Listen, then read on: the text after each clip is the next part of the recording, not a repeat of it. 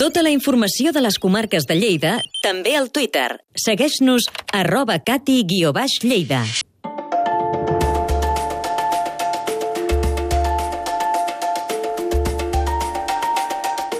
La Reserva Nacional de Caça de Beaumort, al Pirineu, ha recuperat 25 hectàrees de zones de pastures.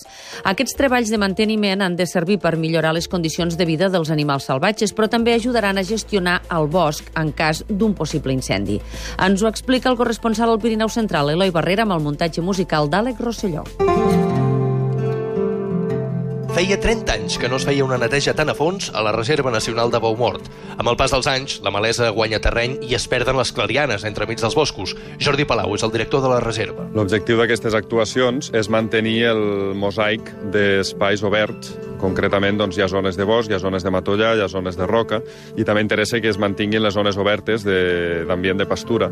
Tenir aquest mosaic de zones obertes i de, combinades amb zones més eh, de bosc o més tancades, doncs el que ens permet, per una banda, és millorar la capacitat de la reserva davant del supòsit de que hi pogués haver algun incendi.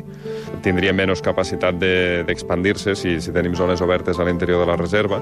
I l'altre tema també és doncs, afavorir el que és la fauna salvatge. S'han obert un total de 25 hectàrees en diverses finques, algunes més petites de dues hectàrees i altres més grans de 8 o 9. Per aquestes extensions hi podran córrer els animals salvatges que així no tindran tanta necessitat de sortir de la reserva i causar possibles danys a finques particulars al voltant. Tant espècies petites que busquen espais oberts, com pot ser llebre, conill, perdiu roja, i a la vegada el fet de millorar les pastures de la reserva permet que les espècies grans, com el cèrvol, el cabirol, el senglau, l'isard, fins i tot, doncs, que es mantinguin més a l'interior de la reserva.